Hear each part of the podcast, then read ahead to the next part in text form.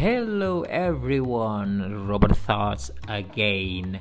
Ada lima langkah yang perlu kita lakukan untuk menentukan apakah kita memiliki apa yang dibutuhkan dalam membangun sebuah usaha yang berhasil. Langkah pertama, kenali diri kita sendiri. Faktanya, tidak semua orang cocok menjadi wirausaha. Tidak semua orang memiliki temperamen, pengalaman, kemampuan, serta sumber daya yang dibutuhkan untuk memulai sebuah usaha mundur dulu dan secara objektif lihatlah ke dalam diri kita masing-masing, keterampilan kita, kemampuan kita. Kita perlu mengevaluasi apa yang kita ketahui dan apa yang tidak kita ketahui. Kita juga perlu mengetahui kekuatan dan kelemahan kita masing-masing.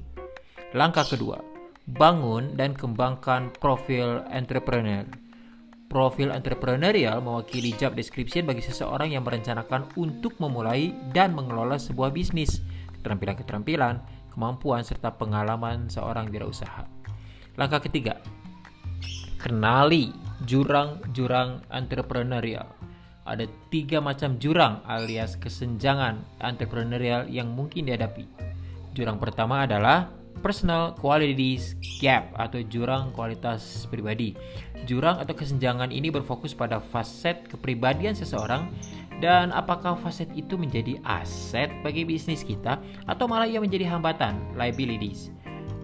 Jurang kedua adalah areas of specialization atau proficiency, bidang keahlian. Ini berkaitan dengan keterampilan bisnis kita. Ada keuntungan jika kita memiliki keahlian tertentu. Namun, keahlian khusus semacam ini bisa menjadi hambatan ketika kita hendak menjadi wirausaha. Memulai sebuah usaha membutuhkan keterampilan bisnis yang luas, broad spectrum. Semakin sempit keahlian kita, semakin besar jurang atau kesenjangan entrepreneurialnya. Orang yang memiliki spesialisasi dalam sebuah bidang cenderung untuk melihat bidang tersebut sebagai pusat semesta, pusat segala sesuatu. Jika kita berikan sebuah palu pada seorang anak, anak itu akan berpikir bahwa semua benda di sekitarnya harus dipalu. Nah, Orang yang memiliki spesialisasi juga cenderung menggunakan waktu yang ia miliki di area yang paling mereka kuasai. Padahal, seorang wirausaha harus menggunakan waktunya untuk mengelola seluruh aspek usahanya. Nggak cuma bidang itu tok. Jurang yang ketiga adalah market knowledge gap atau kesenjangan pengetahuan uh, pasar.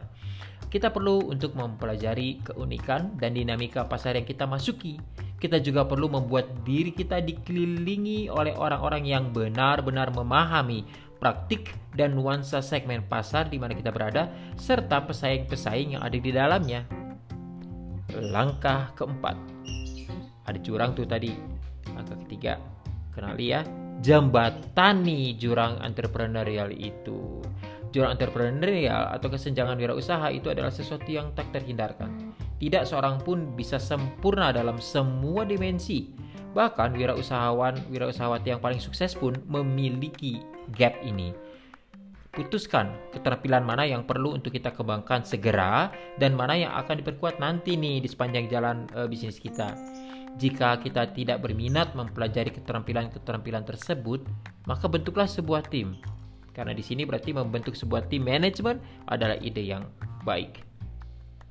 Langkah kelima, suplementasi skill dan kapabilitas kita. Sekali lagi, tak seorang pun memiliki semua kualitas yang memengaruhi kesuksesan usaha baru dan tak seorang pun dapat diharapkan mampu untuk mengembangkan semuanya itu. Mari kita melihat diri kita masing-masing, berusaha untuk mengembangkan dan memperkuat kualitas-kualitas pendukung kesuksesan usaha, lalu mengelilingi diri kita dengan orang-orang yang memiliki kemampuan yang tidak kita miliki. Warren Buffett memberikan penekanan pada kebutuhan untuk dikelilingi orang-orang yang akan mensuplementasi circle of competence kita, lingkaran kompetensi kita. Well, I guess that's it for now. Hopefully, this podcast can be useful for all of us. Thank you for listening. Stay healthy, stay safe, and the most important thing is stay happy, everyone. Bye.